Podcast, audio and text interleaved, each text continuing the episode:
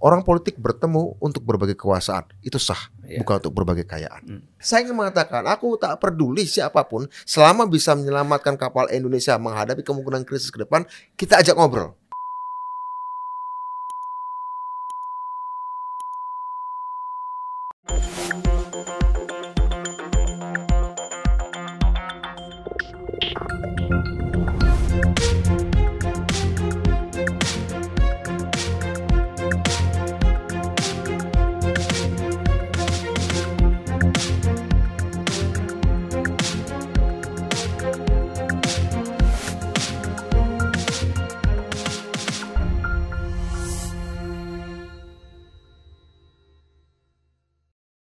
Selamat datang, Bung Budiman Sujatmoko. Selamat siang, Aduh, Bang Zulfan. Ini Terima kasih. luar biasa ya. Saya walaupun eh, Bung sudah di berbagai podcast Ya, dan televisi ya.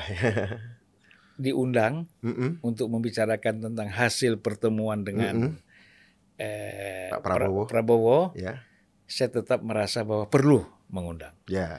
ya kan? Karena isi kepalanya ini tidak belum selesai. Belum selesai. Belum selesai dikuras ya. Belum selesai dikuras. Mungkin yang baru dikuras itu baru 25 persen. Oh, aduh. Masih ada 75 persen lagi. Apa Siap. yang ada di pikirannya Iya. Bung Budiman. Siap. Ya. Jadi saya ingin kira-kira memanfaatkan peluang 75 persen itu. Siap. Oke, oke. Makasih, makasih. Ya, ya. Ya. Ya. Jadi yang jelas Mm-mm. bahwa hasil pertemuan Bung Budiman sama Pak Prabowo. Pak Prabowo itu kan cukup ramai, cukup riuh, Siap. ya. Betul. sehingga ada yang suka, ada yang tidak suka, Ya. ada yang sedih dan ada yang berduka. Waduh. yang nggak suka nggak ada nih. Ya, ada suka, ada nggak suka juga. Ya, ya, ya. Ya kan, Ya. biasalah persepsi orang kan Ah, ah. macam-macam, Boleh. Sesuai dengan kemampuan dan keterbatasan pikirannya kan. Atau kepentingan ya. Kepentingan. Ya, ya, ya. Nah, jadi begini, Bung. Eh, ada orang-orang tertentu Ya, dari PDIP juga misalnya bertemu dengan Prabowo. oke. Ya, saya melihat orang-orang ini itu berbeda dengan motivasinya Budiman Sujatmiko. Sujatmiko. Hmm. Ya. Ada Oh, ya. orang terus terang ya, apakah di PDIP ataupun di Golkar, di PAN, di P3, Nasdem semua kan banyak orang yang masuk ke dalam partai politik ini kan dengan latar belakang pedagang, ya kan? Pengusaha, pedagang, kemudian masuk partai. Terpilih menjadi anggota DPR, berubahlah inisialnya, tidak lagi sebagai pengusaha atau pedagang menjadi politisi. Ini yang kita sebut sebenarnya politisi karbetan. kan gitu. Bukan soal ur, ur- usia bukan ya, tapi Bukan. soal soal ini ya, soal tua muda ada juga semua Hmm. di situ.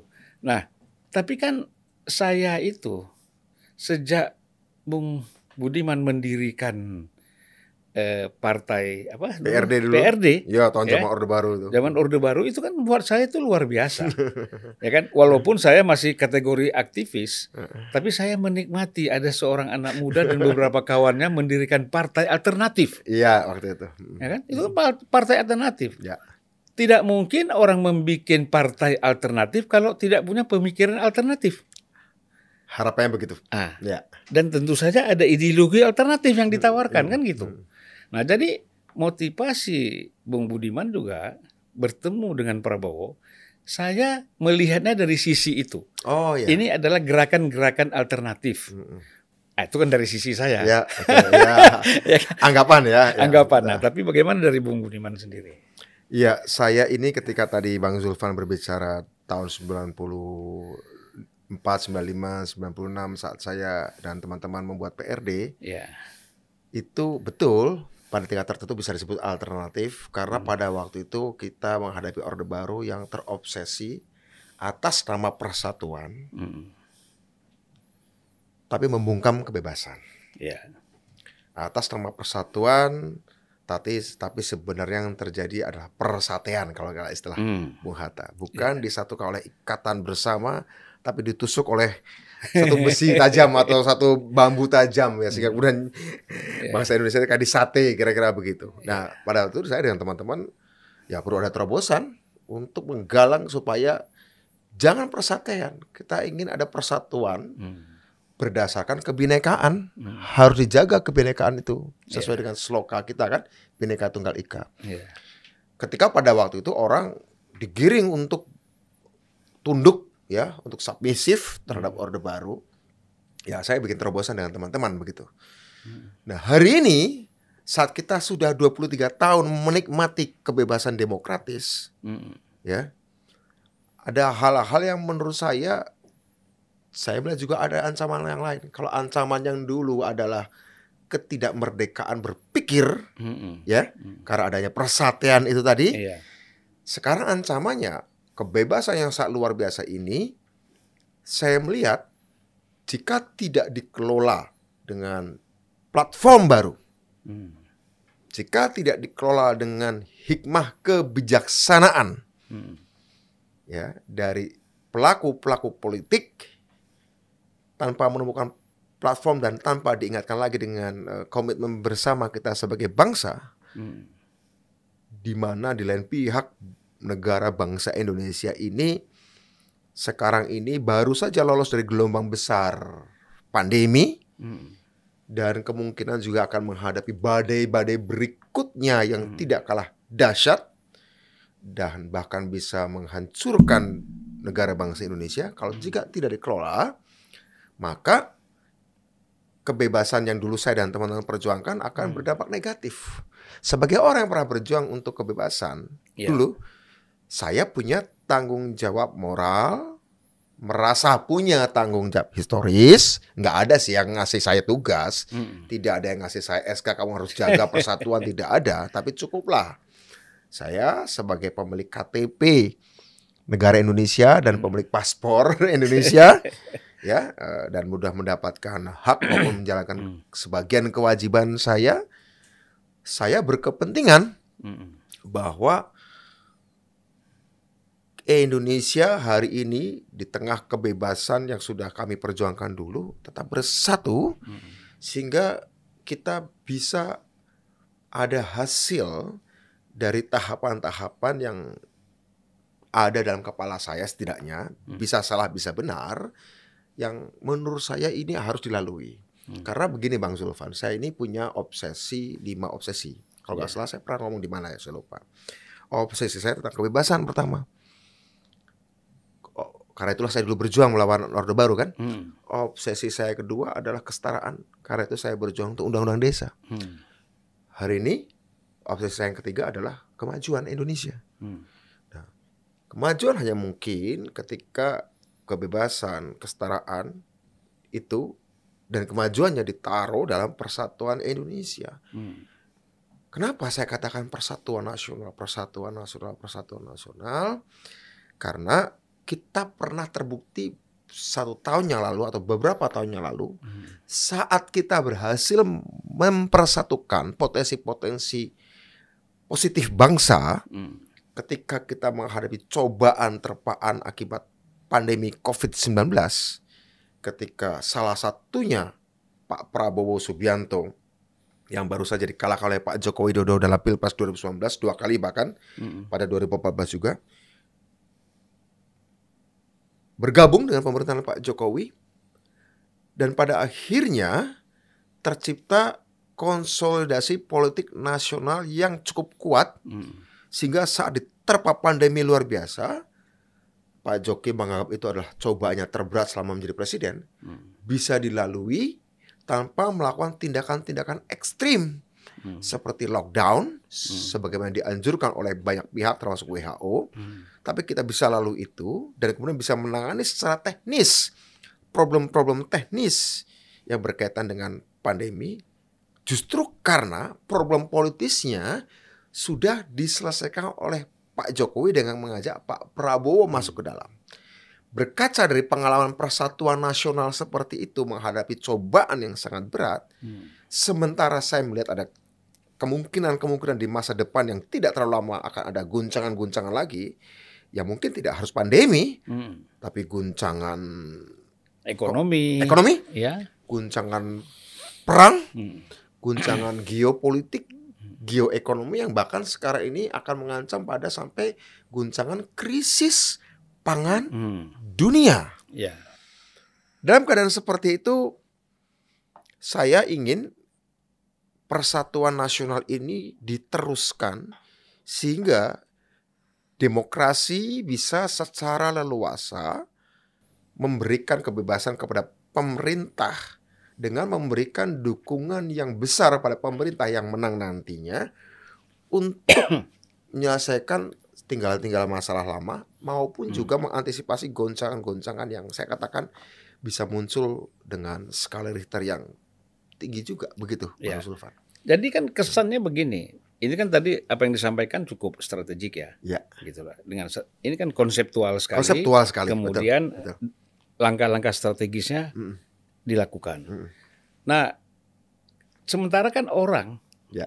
menangkap Ya.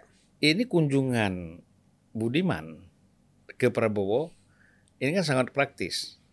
Satu, saya, saya yang sempat Mm. saya ini, wah ini Budiman kecewa Mm-mm. karena dianggap sudah sebagai inisiator undang-undang pedesaan, Mm-mm. tapi tidak jadi menteri pedesaan kan Mm, gitu. mm, Itu mm. itu anggapan lah biasa lah, Mm-mm.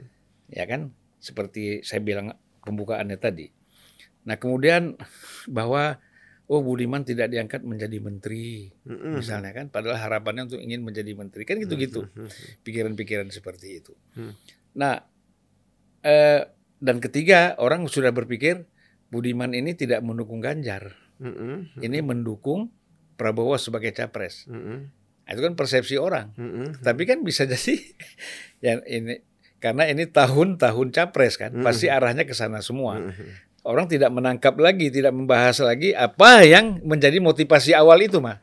Eh, pertama begini, eh, menjelaskan satu masalah besar dan kemudian ditelisik motivasinya yang sebenarnya tidak jahat, Ya. tidak melanggar hukum. Bagi saya orang seperti itu berpikir dalam semesta berpikirnya bahwa seolah-olah semua kegiatan itu jika punya motivasi Mm-mm. itu pasti dimasukkan untuk tujuan-tujuan buruk. Perstet. Mm. in- in- in- in- vested interest ya. Iya. Hanya tujuan-tujuan sempit, tujuan-tujuan buruk. Mm. Sebagai seorang praktisi politik, tentu mata uang dalam tanda kutip Mm. yang diinginkan setiap orang praktisi politik adalah kekuasaan, Mm. kepemimpinan, dan itu wajar-wajar saja. Wajar. Wajar dong. Mm. Kalau anda tidak anda berpolitik dan anda tidak ingin berkuasa, ya jadi aktivis saja kan kira begitu ya.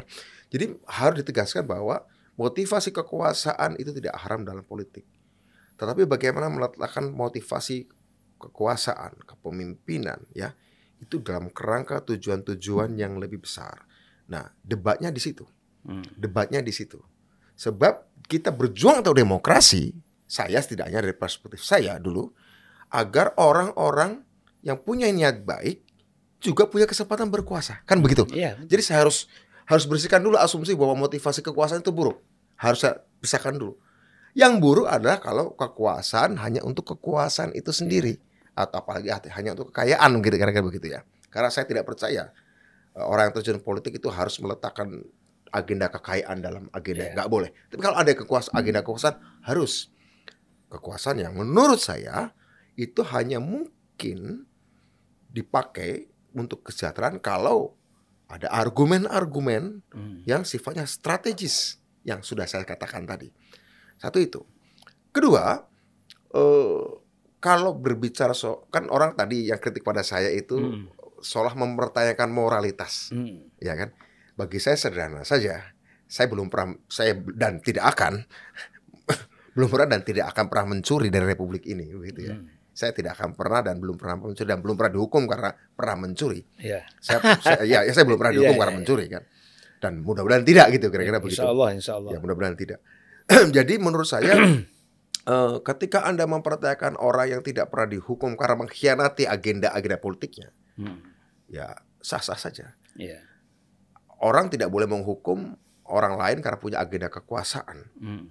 Dalam demokrasi sah-sah saja. Hmm. Dalam otoritarisme itu jadi masalah kan? Iya. Dalam otoritarisme kalau Anda ingin berkuasa di luar ke penguasa yang ada ya itu dihukum. Dalam demokrasi kan sah-sah saja begitu. Iya. Jadi menurut saya kritik tersebut tidak valid. Hmm. Kalau mempertanyakan motivasi kekuasaan. Kalau motivasi adalah harta, kekayaan, lebih tidak valid lagi Hmm. karena itu tidak pernah menjadi agenda saya gitu Iya. kira-kira begitu Pak. Iya. Silvan. Ya, dalam pandangan Bung ya, Ya. sosok Prabowo ini sebenarnya seperti apa? Karena kita kan gini, Mm-mm. apa pun Hmm.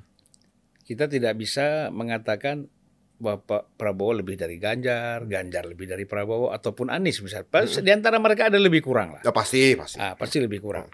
Cuman kan saya tidak ingin eh, kita diskusi di sini hari ini membicarakan dengan tiga sosok. Ya, Tapi kan sosok yang kita fokus saja pasti Bung kan melihat mengikuti lah sejak pertama mendirikan PRD ya betul. itu walaupun secara tidak langsung maupun langsung itu sudah bersentuhan dengan Prabowo Iya, ya kan kita ingatlah Ya. kan dengan berbagai isu-isu yang terjadi pada masa lalu. Nah dalam pandangan Bung itu sosok Prabowo ini seperti apa sebenarnya? sosok Pak Prabowo di mata saya adalah seorang tentara yang punya gagasan-gagasan dan membaca, seorang tentara yang membaca. Ya. Dan sebagai orang pernah menjadi komando pasukan elit Ya. di mana di salah satunya adalah ada bagian Sandi Yuda, Mm. intelijen perang Mm. dan strategik juga tentunya. Eh, seorang yang pernah terlibat atau pernah berkecimpung dalam dunia pasukan elit atau intelijen strategis Mm. adalah orang-orang yang menurut saya dalam hidupnya itu punya kemampuan melakukan analisis-analisis strategis Mm. di atas kertas maupun juga mampu menjalankannya di lapangan dengan segala kekurangannya, dengan segala eh, negatifnya, dengan segala kelebihannya. Bagi saya, orang-orang seperti itu adalah orang-orang yang biasa berpikir kompleks, Mm. biasa berpikir dalam situasi krisis. Mm. Nah, di lain pihak, aktivis pun banyak ya. Bang Zulfan pernah jadi aktivis, Hmm. pun terbiasa berpikir dalam kerangka konseptual, Mm. strategik, utuh, ya, secara konseptual, tapi juga mampu menurunkan itu semua menjadi tindakan-tindakan politik di lapangan Mm. yang kompleks dengan resiko-resiko yang sangat tinggi, Ya. menyebab- bisa mengakibatkan kematian juga, mengakibatkan pemenjaraan, Mm. yang mana pun biasa menghadapi situasi krisis lapangan, Ya. ya ketika diuber-uber misalnya gitu, ketika dicari-cari begitu. Bang Sulfan, dalam pengalaman saya, saya lebih bisa ngobrol panjang dengan orang yang pola berpikir dan pola pengalamannya kurang lebih sama, Mm. meskipun ada di kutub-kutub berbeda. Mm. Meskipun ada di kutub-kutub berbeda. Ya. Karena pada akhirnya yang bisa menyebabkan orang berkelahi sebenarnya bukan kutub yang berbeda, tapi cara berpikir yang berbeda. Nah, di sini saya melihat bahwa tentu kita pernah berhadapan. Saya katakan juga pada waktu konversi pers ketika Hmm. bersama beliau ya waktu itu berapa seminggu yang lalu ya. Saya katakan begitu juga. Tapi kalau kita lihat beberapa perkembangan politik dunia, saya ambil contoh negara seperti Rusia atau Brazil deh. Dua anggota BRICS ya sekarang ya. Itu dua negara yang dulu pernah kuat, tapi kemudian decline Mm. cukup lama, dan kemudian mereka melakukan kebangkitan lagi. Kalau kita lihat dua sosok pemimpin yang lahir untuk membangkitkan dua negara itu yaitu Hmm. Rusia dan Brasil. Satu Putin yang seorang mantan intelijen, Ya, satu Lula. Lula yang mantan aktivis. Ya. Kedua negara dua tokoh ini berhasil mengangkat negara masing-masing dari keterpurukan. Hmm. Saya pernah diskusi dengan Lula da Silva waktu beliau baru lengser. Saya nggak pernah diskusi dengan Putin, nggak pernah ketemu juga, tapi saya baca amati. Dan karena saya kebetulan pernah juga ditangkap enam kali, jadi cukup paham cara berpikir interrogator saya, Hmm. cukup paham cara berpikir intelijen, kira-kira begitu ya. Dan saya menemukan, saya belajar cara berpikir mereka. Dan tidak terlalu susah untuk saya menyelami relung-relung pikiran mereka. Ketika saya proses enam kali ditangkap itu. Dan saya yakin juga intelijen. Juga tidak terlalu susah memahami relung-relung pikiran saya. Karena tentu saja Eh, dokumen-dokumen kita pernah disita juga, pernah dirampas Iya. juga ya mereka pelajari juga tentu saja bagaimana sih pola pikir Budiman nih, pola pikir anak PRD waktu itu kira-kira Iya, ya. Saya kira mereka punya dokumen yang lebih lengkap ya, Hmm. bahkan mungkin dari saya sendiri Iya. mereka simpan. Di situ malah justru pengetahuan kita akan sesuatu, meskipun di kubu yang berbeda, Hmm. itu justru membuat tiap pihak merasa nyaman. Karena aku tahu apa yang kamu tahu dan apa yang kamu mau, dan kamu tahu apa yang aku tahu dan apa yang aku mau. Hmm. Dan kita pernah menguji apa yang kita tahu, apa yang kita inginkan, apa yang kita mau, dari segi argumen, perencanaan strategis, mapping, sampai pelaksanaan di lapangan. Hmm. Menghadapi situasi krisis pada waktu perjuangan demokrasi, ya, di mana Hmm. kita berada dalam posisi yang berbeda kubu, kira-kira Iya. begitu. Dan tapi sekarang kita sekarang sudah mulai mengendap sebagai sebuah bangsa. Setelah 23 tahun reformasi, kita mengendap, kita sekarang sudah ada di tempat masing-masing Hmm.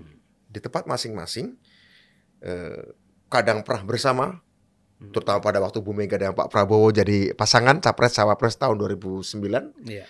pernah juga posisi berbeda Hmm. pada waktu saya menjadi timnya Pak Joko Widodo Pak Prabowo menjadi kompetitornya Pak Joko Widodo walaupun juga saya pernah berbeda juga dulu waktu zaman Orde Baru Iya. Jadi kita pernah ada di situasi pernah bersama pernah berbeda pernah bersama pernah berbeda Iya.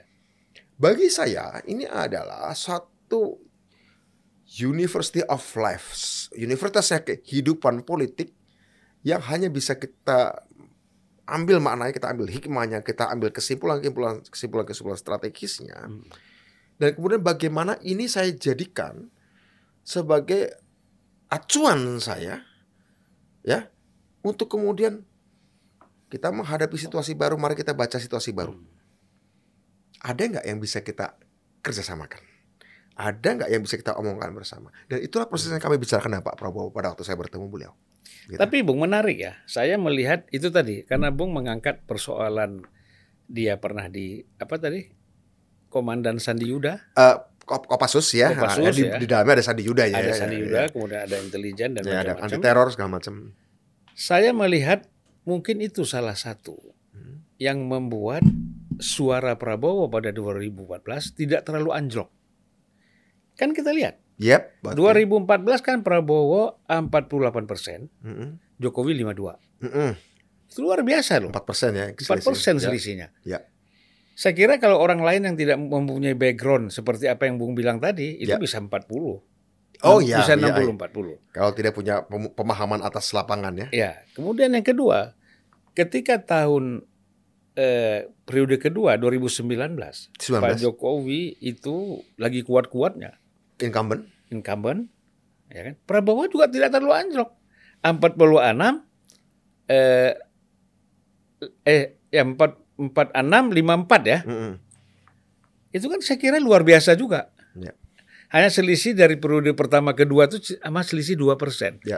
Artinya apa? Memang mem- kekuatan-kekuatan figur ini ya di dalam membangun eh, baik konsep yang komprehensif ataupun kemampuan bagaimana Mengorganisir meng- di mengorganisir di lapangan itu luar biasa. Ya, dan itu nggak bisa diabaikan. Tidak bisa diabaikan. Nah, jadi ini eh, menurut saya salah satu kekuatannya Prabowo di situ. Yang ini saya ingin ini menjadi bagian dari konsolidasi Persatuan Nasional yang saya sampaikan itu. Hmm. Karena ada banyak contoh-contoh negara yang gagal untuk Hmm. melanjutkan pemerintahan yang baik dikarenakan gagal melakukan konsolidasi itu. Saya ambil Ya. contoh Lula, Bang. Hmm. Sul Pak Lu- Lula Lula da Silva periode kedua di Brasil itu approval rate-nya 80%. Waktu itu tertinggi dunia. Sekarang Pak Jokowi 90%. Ya. Namun ketika diganti oleh Dilma dan gagal melakukan konsolidasi, Dilma yang seharusnya meneruskan jatuh di tengah jalan. Ya. Jatuh di tengah jalan, gagal untuk menghimpun Dan koalisi saya besar. ada di sana itu waktu dia jatuh. Oh, ada di Brasil Ada waktu di itu Brasil. eh, Bang Sulvan ya. Wah. Ya karena eh, jauh di bawah tiga persen Ya. eh, ekonominya apa Brasil. Brazil. Ya. Tapi kemudian dijatuhkan kan di tengah jalannya. Hmm. Ah, saya ingin mengatakan bahwa jika keberlanjutan pemerintahan Pak Jokowi yang sudah dapatkan approval rate atau tingkat kepuasan 90% ini tidak didukung oleh kemenangan penerusnya dengan margin atau selisih kemenangan yang tebal, yang besar, Mm-mm. maka saya khawatir goncangan-goncangan yang akan timbul berikutnya akan mengakibatkan mudah retak pemerintahan itu atau mudah jatuh dikarenakan karena ada krisis entah krisis perang, krisis pangan atau apa pun namanya. Berkaca dari pengalaman pandemi di mana Pak Jokowi berhasil memisahkan yang politis dengan yang teknis Hmm. dengan menyatukan yang politis ke dalam pemerintahannya sehingga Hmm. pers- persoalan-persoalan teknis tidak dipolitisir Hmm. waktu menghadapi pandemi. Ya. Saya berpikir pemerintahan berikutnya penerus Pak Jokowi karena PR-nya masih banyak, masih banyak ada enam, ada Hmm. enam PR yang menurut saya secara konseptual itu harusnya diselesaikan. Ya, Apa aja tuh, Bung? ini hasil diskusi saya dengan Pak Luhut waktu itu Iya, sebenarnya. iya. Eh, hilirisasi yang Ya. baru saja dimulai, Hmm. digitalisasi baru saja dimulai, dekarbonisasi Hmm. baru saja dimulai, connectivity, konektivitas baru saja dimulai, Hmm. dana desa baru juga dimulai, walaupun Iya. udah agak lama sejak Hmm. tahun 2014, dan pendidikan sumber daya manusia. Tadi soal karbon itu menyangkut dengan EBT ya? Iya, energi baru dan terbarukan, bang. Iya, iya. Sulfan, Hmm, ya, hmm. climate change segala macam harus transisi menuju energi baru dan terbarukan. Iya.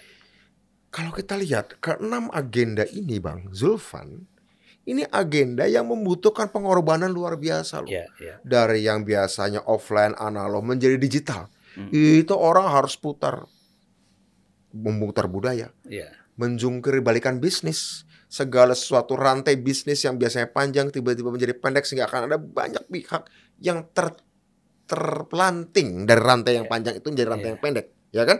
Orang beli makanan, beli apa pun lah. Orang kuliah tidak lagi offline tapi bisa online. Hmm. Ilmu pengetahuan bisa ada di mana-mana. Oke, itu kan memotong rantai pasok di dalam negeri katakanlah contohnya. Sementara rantai ini selama ini panjang dan setiap titik rantai itu kan ada manusia Iya. butuh makan, butuh minum, butuh mata pencarian untuk keluarga mereka. Ini terpelanting. Ini pasti akan mengakibatkan problem-problem sosial. Jadi problem digitalisasi juga ada. Tapi kita juga harus ngejar itu. Konektivitas juga demikian. Hmm. Ya, kemudian apalagi uh, hilirisasi. Bagaimana kita mengatasi lapisan pebisnis atau yang disebut oleh Bang Sulvan Lindan tadi pedagang Hmm. yang dengan ada hilirisasi, maka kasta pedagang akan dikurangi, Bang Hmm. semuanya nanti akan menjadi kasta engineer, kasta prekayasa, kasta produsen, kira-kira gitu ya, lapisan Ya. produsen. Dan ketergantungan para pekerja dengan pengusaha itu, dengan pemilik perusahaan semakin kecil ya? Semakin longgar nanti. Semakin longgar ya. Semakin longgar. Pengusaha nggak butuh banyak buruh manusia karena ada digitalisasi slash robotisasi, Hmm. mekanisasi juga tentu saja. Sementara buruh juga belum ada tampungannya nih. Sistem sosial perlindungan sosial kita bagaimana Hmm. menghadapi jutaan lapangan kerja yang akan tutup Hmm. karena sudah nggak butuh lagi manusia. Iya. Ini soal-soal yang kalau nggak dikejar juga akan kita tertinggal. Hmm. Kita akan menjadi negara terus berkembang. Nah, karena itu ini pasti keenam jalan itu akan menimbulkan dampak sosial tapi juga janji sosial yang luar biasa. Sementara janji sosialnya itu belum tentu datang dalam waktu cepat. Hmm. Di lain pihak kita menghadapi bonus demografi 13 tahun ke depan Hmm. di mana banyak anak muda produktif yang kalau sarana dan prasarana industrinya tidak mengakomodasi Hmm. itu karena semakin but kita lagi produsen banyak manusia produktif tiba-tiba struktur industrinya tidak butuh manusia bahkan ingin Hmm. mengurangi yang ada Iya. yang kalau kita kejar kita akan ketinggalan Hmm. ini kan dilema-dilema seperti ini yang menurut saya setiap titiknya setiap isunya mudah menjadi isu politik luar biasa yang bisa menimbulkan kegoncangan-kegoncangan dan pada akhirnya bisa kepleset kalau salah urus menjadi problem-problem ideologis, problem-problem eh, ancaman terhadap persatuan dan Hmm. stabilitas dan juga ancaman pada kesejahteraan. Di sini saya butuh kepemimpinan politik yang punya legitimasi politik luar biasa. Nah, jadi kan saya melihat gini, Bu. Apa yang Bung sampaikan ini kan ya orang boleh bilang ideal ya. Sebenarnya itu tidak ideal. Tidak Kalau kita lihat negara-negara yang sudah menjalankan itu kan hal ini hal biasa. biasa. Tetapi bagi kita karena kita baru mau mulai itu kita anggap masih ideal gitu. ya betul kan gitu. Ya, bisa. Nah, jadi saya yang saya khawatir sekali kawan-kawan yang kita yang ingin maju sebagai capres dan cawapres ini tidak berpikir seperti itu. Yang mereka pikir kita melanjutkan IKN, oke, ada oh iya masalah. itu pastinya. Silakan, itu kan Itu- memang itu sudah pasti, kewajiban undang-undang ya. wajib, wajib. Kemudian infrastruktur itu juga nggak ada masalah. Mm-mm. Tapi selain itu kan dia harus berpikir di problematik politik, ekonomi dan sosial. Berikut di dalamnya ada budaya, Ada mental. Mental, Ah, ini kan harus dipikirkan kan? global juga Ah. menjepit, semakin menjepit, semakin memberikan banyak kita, semakin sedikit pilihan sekarang ini, Ya. ya kan? Hmm. Kan konse- ada konsekuensinya. Bagaimana tentang de- deluarisasi BRICS kita gabung BRICS atau enggak? Mungkin mungkin seperti itu, tema-tema seperti itu. Dan setiap keputusan itu pasti akan mudah sekali mendapatkan disrupsi atau gangguan-gangguan. Ya, Ya. bagaimana nanti kemudian Papua? Kita nggak kita tahu bahwa persoalan Papua bukan lagi persoalan yang sekedar bisa selesai dalam negeri. Ada kekuatan-kekuatan luar yang ingin masuk segala macam. Ya kalau saya tarik ke dalam khazanah Islam ya. Ya, Sebenarnya kan yang namanya khazanah fikih itu, Fikih. itu kan longgar. oke. Ada juga seperti kaum Wahabi misalnya, fikihnya ketat, Ketat sekali. ketat sekali dan wah saya kira tidak bisa bergerak kita ini. Ya, Tapi kalau dalam konteks pendekatannya fikih-fikih di kalangan ahlu sunnah wal jamaah Ya. atau kita kenal sunni ya, ataupun kita kenal syiah misalnya, ini kan fikih-fikih longgar. ya betul. Ya. Yang berkembang, Berkembang evolutif ya. Misalnya dalam fikih-fikih hazanah ini melihat Budiman ke Prabowo halal atau haram itu nggak ada urusan. Nggak ada urusan. Ini persoalan membangun silaturahim kan gitu. Menurut saya begitu Iya, ya. iya. Kalau dipandang dari sudut itu kan selesai sebenarnya. Sebenarnya itu soal-soal kalau dalam istilah Islamnya khilafiyah saja. Ah, Bung lebih tepat itu hilafiyah. ya, masalah-masalah hilafiyah Iya. jangan kita angkat menjadi persoalan syariat Ya, kan gitu. apa syariat, soal akidah apalagi. Oh, apalagi Wah, lebih berat lagi ya. Iya, iya, iya, iya. Seolah-olah ini hidup mati kan. Heeh, heeh. Nah, jadi sebenarnya pada saya pengalaman begini, Bu. Ya. Pada satu situasi saya ingat sekali ya, Ya. kalangan saya, kalangan Islam itu ketika pertama saya masuk ke PDIP saya dikecam habis. Oke. Ngapain lu gangbung itu marhenis, bau-bau komunis segala macam lah. Mm-mm. Tapi ketika saya sudah di dalam dan PDIP menang, Hmm. itu mereka ingin komunikasi dengan Pak Taufik, dengan Megawati, Melalui dengan- Bang melalui saya. Iya.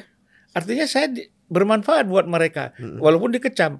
Nah, saya khawatir tuh begini nih, bahwa apa yang dilakukan oleh Mas Budiman dengan Pak Prabowo itu boleh jadi sekarang orang sinis, ya toh? Ya. Orang tidak suka. It- mm. Tapi pada satu situasi nanti, wah, untung ada Budiman yang buka komunikasi sehingga kita bisa kembali menjalin hubungan yang baik. Kan itu sebenarnya. Eh, perbedaan-perbedaan politik itu lebih bukan karena soal jahat dan baik ya, Ya. bukan soal moralitas itu, tapi soal ketidaktahuan Hmm. dan eh, ketidakpekaan. Ada yang sudah peka, ada yang belum peka, ada yang Ya. sudah tahu, ada yang belum tahu.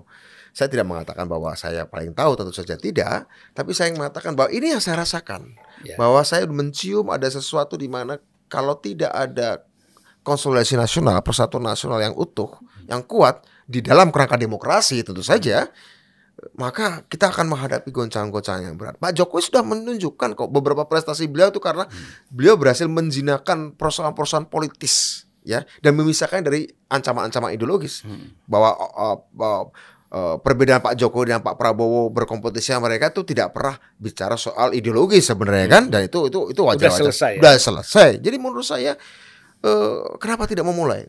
Dan saya memanfaatkan saya yang bukan struktur partai dan ke, ke- dengan kelihatan kira-kira gitu ya, eh, lihat ya, eh, saya bisa lentur gitu. ya. Saya coba untuk membangun jembatan-jembatan yang yang menurut saya itu harus dibangun. Kita nggak bisa menjadi isolasionis, Hmm. nggak bisa menjadi kaku, Ya, ya nggak bisa Bang Zulfan, nggak maju-maju kita. nggak maju-maju. Makanya kini saya ambil contoh kan, Hmm. Muhammad bin Salman Saudi itu kan puluhan oh tahun iya ini di- contoh paling di- akhir. dikekang oleh paham Wahabi kan. Betul. Sekarang dia justru melawan itu, Heeh. sehingga Saudi sekarang terbuka. Terbuka betul. Nah ini luar biasa. Dengan Iran bisa bertemu, Oh, ya. iya. dengan Syria. dengan dengan Syria bisa bertemu gitu kan Eh, dan bahkan bikin mau bikin kerjasama strategis aliansi fakta ke- ke- kerjasama keamanan dan Iran. Iya. itu unthinkable lim, eh, lima tahun lalu. Tak terpikirkan. Lima tahun lalu tak terpikirkan.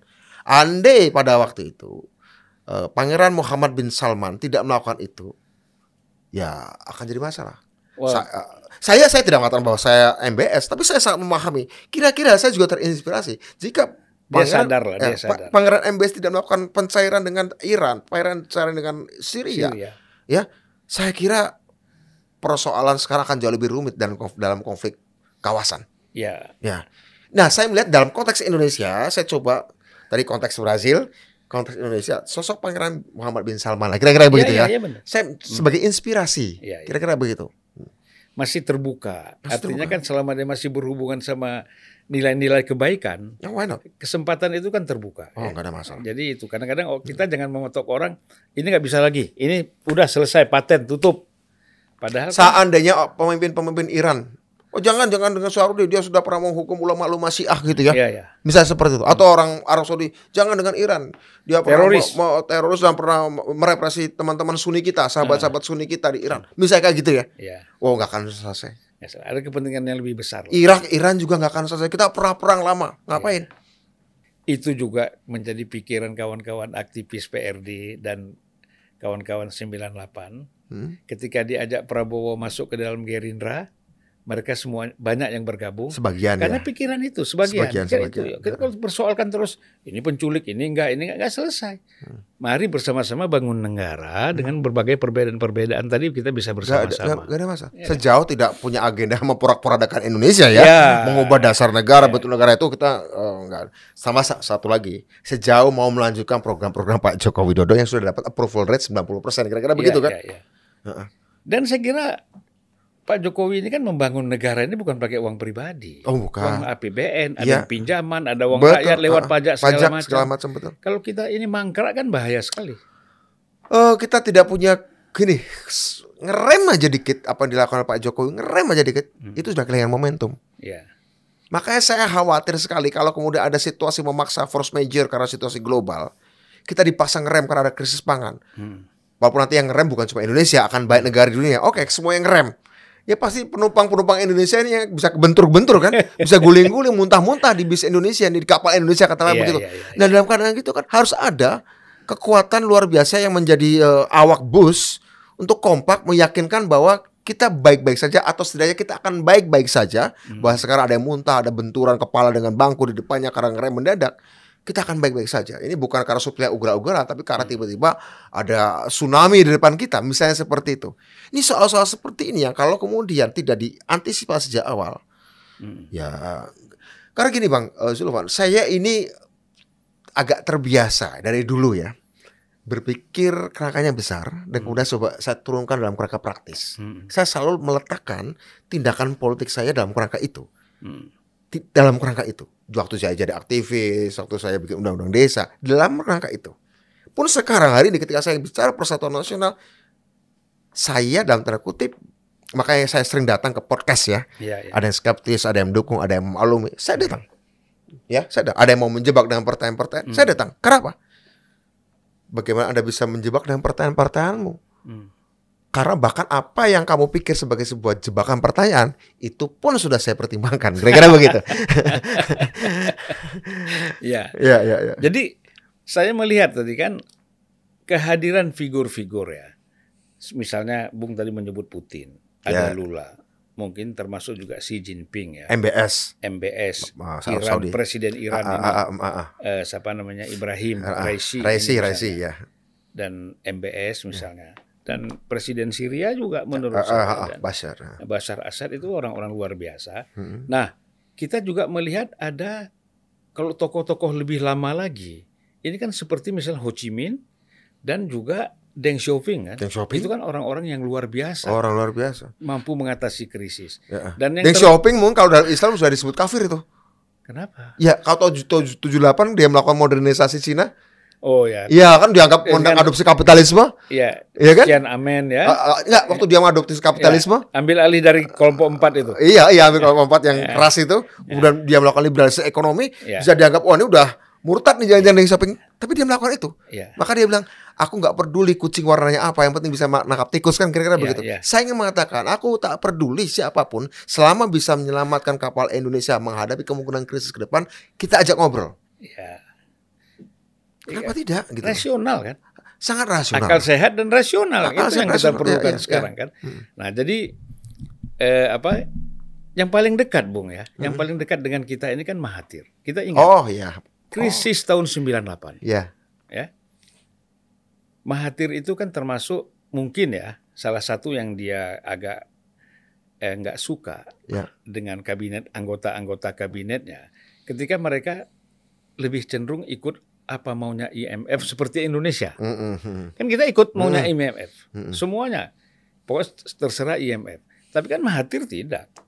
Dia jaga. Hmm. Ya kan? Ya. Oke kita ikut tapi kita yang ngatur. Ya, ya, ya. Sehingga waktu saya tahun 99 datang ke Malaysia, ketemu dengan BPPN Malaysia misalnya, Ya, ya, dia ya. bilang, "Loh, kami yang kami jual itu tulang. Kalau kalian Indonesia yang kalian kalian jual tuh daging." Nah, Sehingga ketika nanti terjadi perubahan, ya perusahaan-perusahaan yang bagus-bagus, ma- maaf aja lah seperti BCA, kebun-kebun sawit kita, kemudian termasuk satelit kita Indosat misalnya dan lain-lain yang kita jual itu kan semua daging itu. hmm, Yang kita jual 3 juta, hmm, sekarang harganya puluhan juta, ya, ya kan? Ya. Yang nggak mungkin juga kita bisa beli lagi. ya, Nah, jadi maksud saya bahwa perlu ada orang-orang seperti itu. Dan terus terang saya satu sisi ya, walaupun tidak terlalu persis sehebat Bung Karno, ya, tapi Jokowi ini punya keberanian. ya, Modal untuk kita tidak selalu ikut maunya asing. Maunya barat, maunya negara adik kuasa. Nggak Itu bisa. kan modal. Kalau modal ini nggak ada, nih, bagaimana kita membangun bangsa ini kan? Nah, itu dia. Nah, Dalam keadaan krisis seperti ini, kita butuh orang-orang yang inovatif, orang-orang melakukan terobosan. Dan siapa pun yang merasa bahwa bisa punya gagasan-gagasan terobosan inovatif, harusnya ngomong bareng, ya. nongkrong bareng. Bukan cuma sekedar saya dan Pak Prabowo, banyak saya tahu. Saya tadi di WA oleh eh, Bung Fahri Hamzah, Hmm, tadi WA saya. sahabat Ya, kita, sahabat. Ya sahabat kita harus mulai sesuatu dia bilang. Ya ya ya. Aku bilang ya harus memu saya bilang ya harus memutus rantai kebencian untuk Ya. memot, eh, untuk menatap masa depan saya bilang gitu. Ini harus dimulai Bung Budiman dia bilang gitu ya. Dari WA saya untuk itu. Ya mulai dari kejujuran lah ya. Ya ya ya. kejujuran hati, Mm, kemudian kita bisa terus bersatu. betul, betul. Tapi Bung, ini saya bukan ingin menjebak, Ya nggak apa-apa. ya kan? Hmm. Tapi pasti orang pikir ini Budiman mau dijebak kan gitu. Oh oke enggak Nah, enggak enggak. apa pun, kalau sekarang kan orang kepingin tahu, Hmm. ya ada tiga calon presiden. Mm-mm. Kalau saya kira eh, Bung bisa melakukan semacam analisis lah, Hmm. ya. Hmm. Ganjar, kemudian Prabowo dan Anies. Saya sudah sering, saya sudah sering itu meng- mengana, Meng- menganalisis mereka. ya. menganalisis mereka. Ada ada yang lebih, ada yang kurang. Tapi kan lain kalau Bung Budiman yang bicara Oh. saya. Ya benar benar benar. Ya. Gimana? Terhadap tiga mereka itu. Hmm. Iya, saya pikir ketiganya ini gini ya. eh, yang tangkap kesan pertama ya. Hmm. Anies seorang intelektual, Ya, pengajar. Pastilah dia PSD kan. Ya, artinya memang latar belakangnya situ. Pak Ganjar lebih kepada populis leader, Hmm. pemimpin yang pendekatannya populis. Ya. Pak Prabowo lebih kepada seorang strategic maker. Hmm. Saya melihat ketiganya punya kekuatan seperti itu. Ketiganya punya kekuatan seperti itu. Jadi itu kekuatannya. Kelemahannya, ya Pak Anies dalam mata saya eh, mengal- mengalami kesulitan untuk menerjemahkan Hmm. ide-idenya Ya. ke dalam policy, bukan sekedar program ya. Kalau pro- Policy. eh, policy bukan sekedar program. Kalau program bisa aja bikin ini, bikin itu, Hmm. ya. Aktivi- Aktivitas. Policy itu kan menggabungkan antara Iya. aktivitas dengan konsep strategis kemudian ditaruh di mana sebagai sebuah keputusan. Hmm. Nah, di situ dia sering apa eh, ambigu lah kira-kira Hmm. begitu.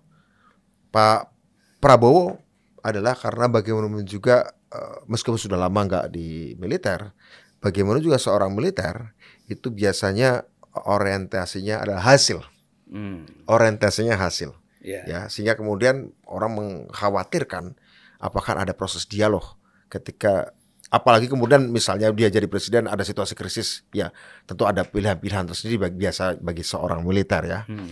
untuk apakah nanti akan ada ruang dialog Hmm. Pak Ganjar eh, sebagai seorang populis leader eh, kritik atau kekurangan barangkali pendekatan-pendekatan teknokratisnya kurang Hmm. pendekatan-pendekatan teknokratisnya kurang. Eh, yang mana memang eh, kita butuh juga pendekatan-pendekatan yang lebih teknokratis ke Hmm. depan, bukan sedar populis begitu ya. Ini penting. Jadi makanya ya masing-masing ada kelebihan ada kekurangan. Hmm. Nah, Indonesia ini butuh seperti apa? Ya. Sebenarnya ada yang bisa menggabungkan semuanya, kriteria-kriteria yang saya sebut sebagai pemimpin-pemimpin yang bisa menggabungkan teknokrasi dengan kerakyatan. Pemimpin-pemimpin yang bisa menggabungkan antara strategic thinking dengan democratic engagement, Hmm. dialog-dialog demokratis Hmm. yang bisa menggabungkan antara ide-ide besar Hmm. dengan kebijakan-kebijakan di level tengah Hmm. ya yang kemudian bisa menyambungkan antara yang jangka pendek dengan yang jangka panjang. Ya kan? Bukan langsung dari kebijakan bukan dari ide langsung ke program nggak bisa. Iya, harus kebijakan dulu. Ya apa yang ya ke- kepemimpinan yang down to earth futurist. Penyongsong masa depan yang membumi yang itu dimungkinkan karena ada teknologi hari ini. Dan kita harus memeluk itu kita harus melakukan partisipasi itu kita harus mengajak itu.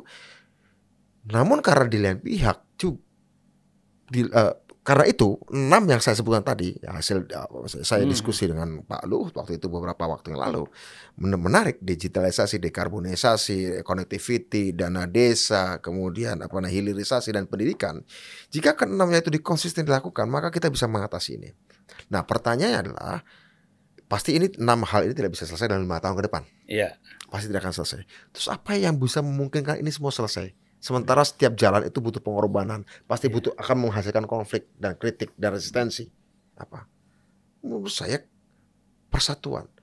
Persatuan sebenarnya yang dalam penge- pengertian saya adalah persatuan antara yang teknokratik dan populis dengan yang strategic thinking dengan eh, dialogis. Hmm. Itu itu menurut saya kepemimpinan yang membumi dan menyongsong masa depan. Teknokratik iya, popul kerakyatan iya, berpikir strategis iya, dialogis iya.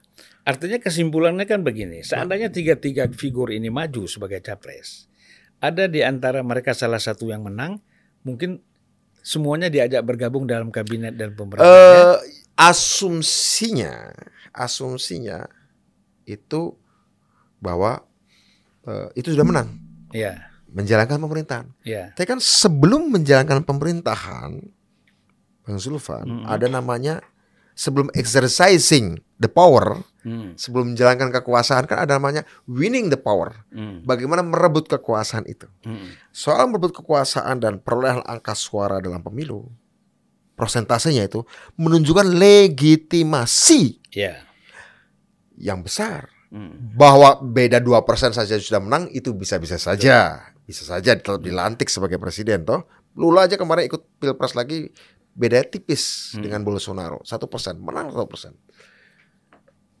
Tentu menang tetap saja dilantik walaupun beda satu persen. Tapi menurut saya ini sangat rentan, sangat fragile, sangat rapuh untuk sebuah tindakan-tindakan drastis. Presiden Indonesia 2024 sampai 2029 harus banyak melakukan tindakan-tindakan drastis Hmm. akibat dari tuntutan yang ada maupun dari problem yang ada, dari agenda yang ada maupun problem yang ada. Tindakan drastis untuk kita survive, untuk kita selamat, Hmm. tindakan drastis juga untuk mengejar kemajuan. Gitu kira-kira. hmm. Tindakan drastis untuk melompati pagar 2 meter atau 3 meter. Kira-kira kita dikejar eh, serigala barangkali di belakang. Itu juga harus kita pikirkan. Nah, ini kan menurut saya sekali lagi ini hal yang memang agak kurang banyak muncul di perbincangan politik kita. Kurang banyak muncul. kurang Kurang banyak muncul. Seolah politik itu adalah kepemimpinan, seolah hal-hal kekuasaan. kekuasaan saja satu dan kedua seolah-olah kepemimpinan juga hanya soal like and dislike, Hmm. soal elektabilitas saja, soal kuantitatif saja. Menurut saya harus melampaui itu, Bang Iya, Sulfan. iya. Menurut saya. Nah itu yang kita eh, persoalan kita kan sebenarnya bukan persoalan pilpres saja. Oh bukan, Dalam pileg juga kan itu yang kita harapkan muncul. Tapi- harusnya. Tapi ketika pikiran-pikiran seperti ini dibawa dalam kampanye pileg itu nggak laku kan? Tergantung sih mengkomunikasikannya. Ya, saya pernah juga laku ketika saya bawa undang-undang Iya, ya, iya, iya, oke. benar. Tapi Iya. ya tergantung mengkomunikasinya memang, tergantung. Ya, ya makanya. Tapi kan lama kelamaan kita lihat ya pada 99 Mm-mm. itu kan orang enak sekali kampanye. Nggak Iya. pernah dia berpikir saya bawa uang berapa. Mm-mm, mm-mm. Tapi begitu 2004 mulai pelan-pelan itu money politik mulai Ya. berperan. Karena apa? Eh, yang masuk menjadi caleg itu bukan lagi politisi dari aktivis, udah Hmm. banyak pengusaha, pedagang, bis- pebisnis ya yang mereka punya banyak uang untuk menang. Mm-mm. Mereka mereka bisa menggunakan itu gitu loh. Terutama setelah 2009 mulai pemilihan suara terbanyak ya. Mm-mm. Dan kemudian 2014 mak- makin lama makin makin kental tuh Makin pendekatan masif itu ya. eh, kuantitatif itu. Iya. Ya. Cuantitatif. Iya, iya, makin lama makin Iya. banyak. Gitu. Jadi menurut saya ini juga menjadi alasan kenapa saya ketika diminta untuk nyalon lagi 2019 sebenarnya saya nolak. Mm-mm. Karena memang saya sudah dua periode. Ketiga juga memang lama-lama dengan suara terbanyak ya tadi itu money talks. Ya. Bukan yang terbaik dari segi kualitas tapi hanya segi- dari segi cuan. Hmm. Ya, ya. Eh, ini yang kemudian eh, makanya PDI Perjuangan kan menginginkan agar proporsional tertutup kan. Tertutup. Iya. Supaya kadernya berbobot. Kader berkualitas. bobot lah yang kemudian bisa lolos. Tapi kan kemudian lama-lama jadi ya seperti itu. Saya kan bisa melihat declining bagaimana eh, kualitas pe- percakapan Dan di ke- parlemen. Keputusan MK juga juga tidak kualitatif, kuantitatif kan karena ada 8 partai yang tidak setuju, makanya dia ikut 8 partai. Nah, itu Kalau dia. dia kualitatif pertimbangannya, ya kan kepentingan Indonesia ke depan pasti dia mengambil yang walaupun PDIP itu sendiri Nggak apa-apa. bahkan katakanlah tidak ada partai. Bahkan tidak ada partai Eh, sekalipun. kemudian ada judicial review. Ada yang gugat, Ya, ya. ada yang gugat, satu warga negara Nah. misalnya. Gak ada masalah. nggak ada masalah. Kenapa nggak dikembalikan pada sila keempat hikmah kebijaksanaan dalam perumusan perwakilan misalnya, Ya, termasuk pemutusan penempatan suara tertinggi eh, nomor nomor urut ya. itu kan juga salah satu bentuk dari hikmah kebijaksanaan dalam Hmm. perumusan perwakilan ketika menentukan seseorang akan kemungkinan besar jadi karena ditaruh di nomor urut satu atau dua misalnya Hmm. seperti itu. Bung, ada nggak masih keinginan ya untuk menggabungkan pasangan antara Prabowo dengan Ganjar? Eh, saya pikir saya di luar kapasitas saya untuk berbicara Iya, iya. itu. Nah, ini wacana aja, bukan apa. Keinginan-keinginan itu ada, keinginan-keinginan itu ada, dan menurut saya keinginan-keinginan itu nggak boleh dibunuh. Hmm. Jadi ketimbang memecah belah kekuatan nasionalis kira-kira gitu, Iya, iya benar. Ya. kenapa tidak nggak bersatu? Hmm. Kenapa nggak bersatu gitu kira-kira? Kira-kira begitu. Iya. Jadi menurut saya justru ini yang harus dijembatani, Pak, Hmm. Bang Sulvan. Harus Iya. dijembatani. Karena ada semacam kebentu, kebentuan sementara ini ya saya seri- maka saya katakan saya mewakafkan diri untuk bisa membangun jembatan maka itu harus dibangun jembatan Hmm. untuk bisa bangun jembatan kamu harus ke seberang Ya. Harus melihat ke seberang. Apa dibutuhkan di seberang ya? ya mau untuk nyambungkan kan apa ada ini harus nyambungkan agar nyambung ya kan Hmm. soal pada titik mana kemudian terjadi proses transaksi kira-kira begitu pada bertemu di titik mana negosiasinya dari katakanlah jembatan 100 meter ketemu di eh, meter ke 20 atau meter ke 75 itu terserah itu Atau seperti pengalaman saya di Aceh dulu. ya gimana Kita mau bangun jembatan, Hmm. kita cek dulu di seberang itu ada mobil nggak yang pakai mobil. Ternyata tidak ada yang mampu beli mobil. Ya. Berarti kita bangun jembatan untuk jalan kaki, Jalan dan, kaki mo- saja. dan motor saja. Ma, tidak usah bikin untuk empat Eh, motor iya. Ya kira-kira seperti itu. Iya, ini iya. bagus, ini pengalaman bagus nih. ya betul, sangat faktual. Ya. Ya. Nah, ini kan seolah-olah katanya, wah ini karena kunjungan ke Prabowo ini Budiman pasti dipecat, dibarahin di ini. Ada nggak sampai sekarang itu? Eh, eh, saya dapat baru baca berita saja bahwa saya katanya akan dipanggil tanggal 15 Agustus. 15 Agustus, 15 lama sekali ya. Ya, ya nggak tahu mungkin ada pertimbangan. ah, Nggak, saya nggak tahu apa faktornya. Mungkin itu persiapan 17 Agustus kali mas. Iya enggak bisa jadi ya, tapi artinya tanggal 15 Agustus saya katanya akan dipanggil ya tapi saya sudah komunikasi dengan Pak Hasto Hmm. Iya. dengan Pak Bambang Wuryanto dengan eh, Pak Syukur Nababan dari Iya. dari DPP begitu rencana mungkin akan ketemu Mbak Puan juga gitu Iya. kira-kira gitu ya Ya hal biasa saya kira ya. ya biasa dan Seorang- ngobrol santai-santai Justru saja menurut saya ya. Ngobrol Gini, santai, Mas, kalau saya relax. boleh siap urun rembuk ya. ya ngobrol Justru yang dibilang kader partai itu seperti Mas Budiman ini. Melakukan langkah-langkah, ya kan? Kalau kita tidak bilang ini terobosan, langkah-langkah ataupun kekakuan-kekakuan yang ada di tengah-tengah persoalan politik kita. Tapi Mas kan laku, bukan lakukan itu. ingat kita Pak Bang Zulfan sahabat baiknya almarhum Pak Taufik Mas Ya. saya juga dekat dengan beliau Hmm. ya kita tahu kan Pak Taufik seperti apa Hmm. ya kan beliau mampu menembus batas walaupun dalam struktur ya ya beliau beliau bukan DPP gitu ya tapi beliau mampu saya tentu saja tidak sebesar Pak Taufik Iya, ya. tapi artinya eh, Pak Taufik willing melakukan itu Iya. ya ya sering disebut gimana sih Pak Taufik tapi melakukan itu kan Bang Sufan lebih punya banyak Orang- cerita saya kira tentang Orang itu. yang nganggap dia kiri sekalipun dan yang menuduh yang menuduh dia kiri sekali itu adalah orang yang sangat kanan, Hah? tetapi bisa duduk semeja sama dia, bisa Ya. makan itu luar biasa. ya, ya. Kita membutuhkan figur-figur seperti saya terinspirasi oleh Pak Taufik juga Nah, kita ini kan tidak bisa sehebat dia, Nah, iya, tapi iya. paling tidak kan serpihan-serpihan trickle down effect ya. Trickle ada ada ada buah-buah pencerahan Eh. ketika saya ingat betul Pak Taufik ngomong, "Bud, kamu harus belajar dari yang menang." Dia bilang gitu. Iya. Itu aset yang sangat penting bagi saya. Iya. Itu mengubah pro- kalimat sesingkat dan sesederhana itu Hmm. bagi orang yang memang sudah jatuh bangun ya, dari pengalaman hidupnya. Itu bagi saya kalimat yang sangat bercahaya Iya. dan bertenaga. Belajar dari yang menang. Saya artikan belajar juga dari yang kuat Ya. sambil berteman dengan yang lemah. Kan begitu. Luar biasa. Saya tuh nggak kalau nangkap dari Mas Taufik itu satu. Julfan, kita harus sharing power. Iya, Power sharing itu harus, Oh, nggak iya. bisa. nggak kita bisa. tidak bisa tidak mengajak yang lain. Nggak bisa. Makanya kabinet Mbak Mega itu kan hampir semua partai ada di dalamnya. betul, betul. Mungkin kita mengharapkan ada closing statement dari Bung Budiman. Closing statement saya sederhana saja bahwa Indonesia ini terlalu besar, terlalu beragam, dan saya merindukan percakapan-percakapan politik yang cerdas, visioner antara mereka yang beragam. Saya kalau waktu ketemu Pak Pak Prabowo, sebenarnya bukan sekali ini, saya pernah ketemu tiga kali sebelumnya, tapi jarang ya dalam 25 tiga- 23 tahun saya bertemu empat kali kan nggak terlalu sering. Saya merindukan bahwa ada percakapan dari berbagai macam posisi, tapi dengan referensi dan wawasan yang luas. Itu dicontohkan oleh Bung Karno, berdebat dengan Sultan Syahrir, berdebat dengan Muhammad Yamin, dengan Tan Malaka, dengan Bung Hatta, dengan Amir Syarifuddin. Mereka dari partai berbeda, eh, aliran-aliran politik berbeda, tetapi mereka tahu betul bahwa ketika menghadapi kolonialisme mereka harus bersatu. Ya. Kita tidak sedang menghadapi kolonialisme lama, Hmm. tapi yakinlah kita menghadapi dunia yang sedang berubah melompat di luar imajinasi kita.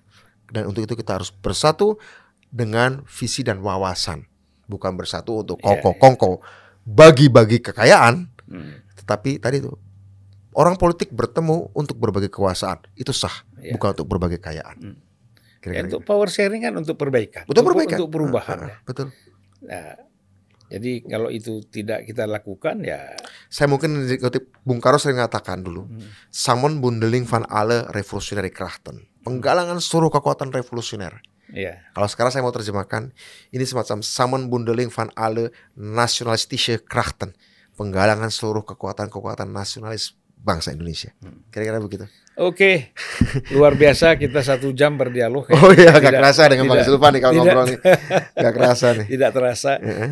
Eh, apa? Saya berpikir tadi baru 40 menit ya. Tapi ternyata sudah satu jam kita berdialog.